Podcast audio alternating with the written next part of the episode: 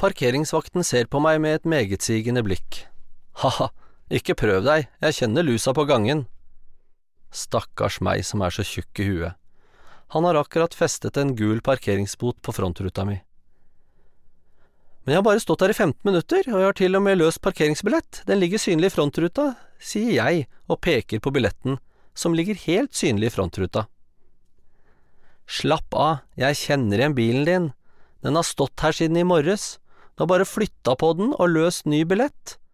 Det er ikke lov til å stå her i over tre timer, derfor får du bot, sier parkeringsvakten. Du lurer ikke den karen. Ja, jeg sto her i to timer i morges, jeg var på senteret og handla inn til helgen, og så dro jeg hjem og pakket ut.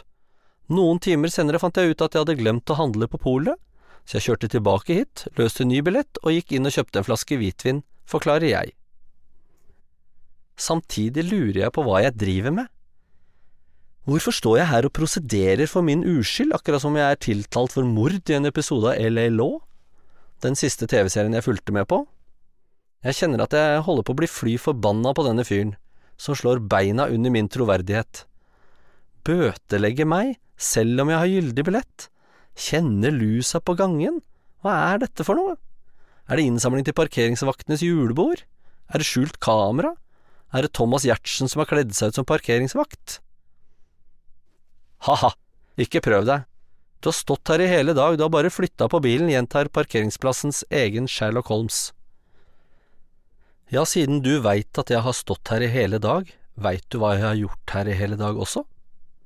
Jeg har vel hengt rundt på senteret fordi jeg ikke har noe annet å foreta meg på en lørdagsformiddag, når sola skinner og rekene venter på verandaen, sier jeg, kanskje ikke helt vennlig.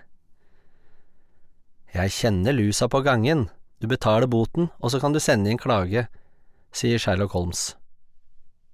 Det er som på fotballbanen, har du fått rødt kort, må du forlate banen. Det skjer aldri at en dommer trekker tilbake det røde kortet fordi spillerne har angrepet ham og protestert vilt på avgjørelsen. Jeg gidder ikke å si mer. Jeg vet at private parkeringsselskaper sliter med omdømmet. Du skal være årvåken for å slippe unna bøter. Løse billett, selvfølgelig, legge den synlig, helst lime den på innsiden av frontruten, ikke parkere utenfor den gule stripen, ikke stå fem minutter for lenge, da smeller det i lommeboka. Du skal ikke være veldig paranoid for at det kan føles som om parkeringsvaktene er ute etter å ta deg. Jeg betaler boten og skriver en klage til senterledelsen. Prosederer atter en gang, samtidig som jeg lurer på om de ønsker seg kunder når de utsetter dem for en slik behandling. Det er tross alt sentrene som hyrer parkeringsselskapene. Kjenner at det koker i toppetasjen nå. Selvfølgelig får jeg igjen pengene, og en beklagelse. Vakten hadde bare gått litt for mye opp i jobben sin. Ja, det kan du si. To måneder senere er jeg i Spania. Parkerer leiebilen i sentrum i en mindre by, uten å løse parkeringsbillett. Burde skjønt at det var dumt. To timer og fire tapasretter senere kommer jeg tilbake til lapp på frontruten. Jeg forstår ikke hva som står på lappen, og ber to forbipasserende jenter hjelpe meg. Lurer fælt på størrelsen på boten, og hvordan jeg skal betale den.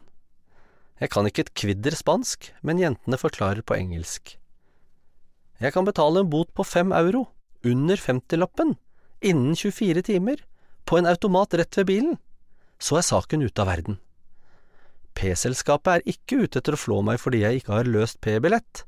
Ingen lusa på gangen her.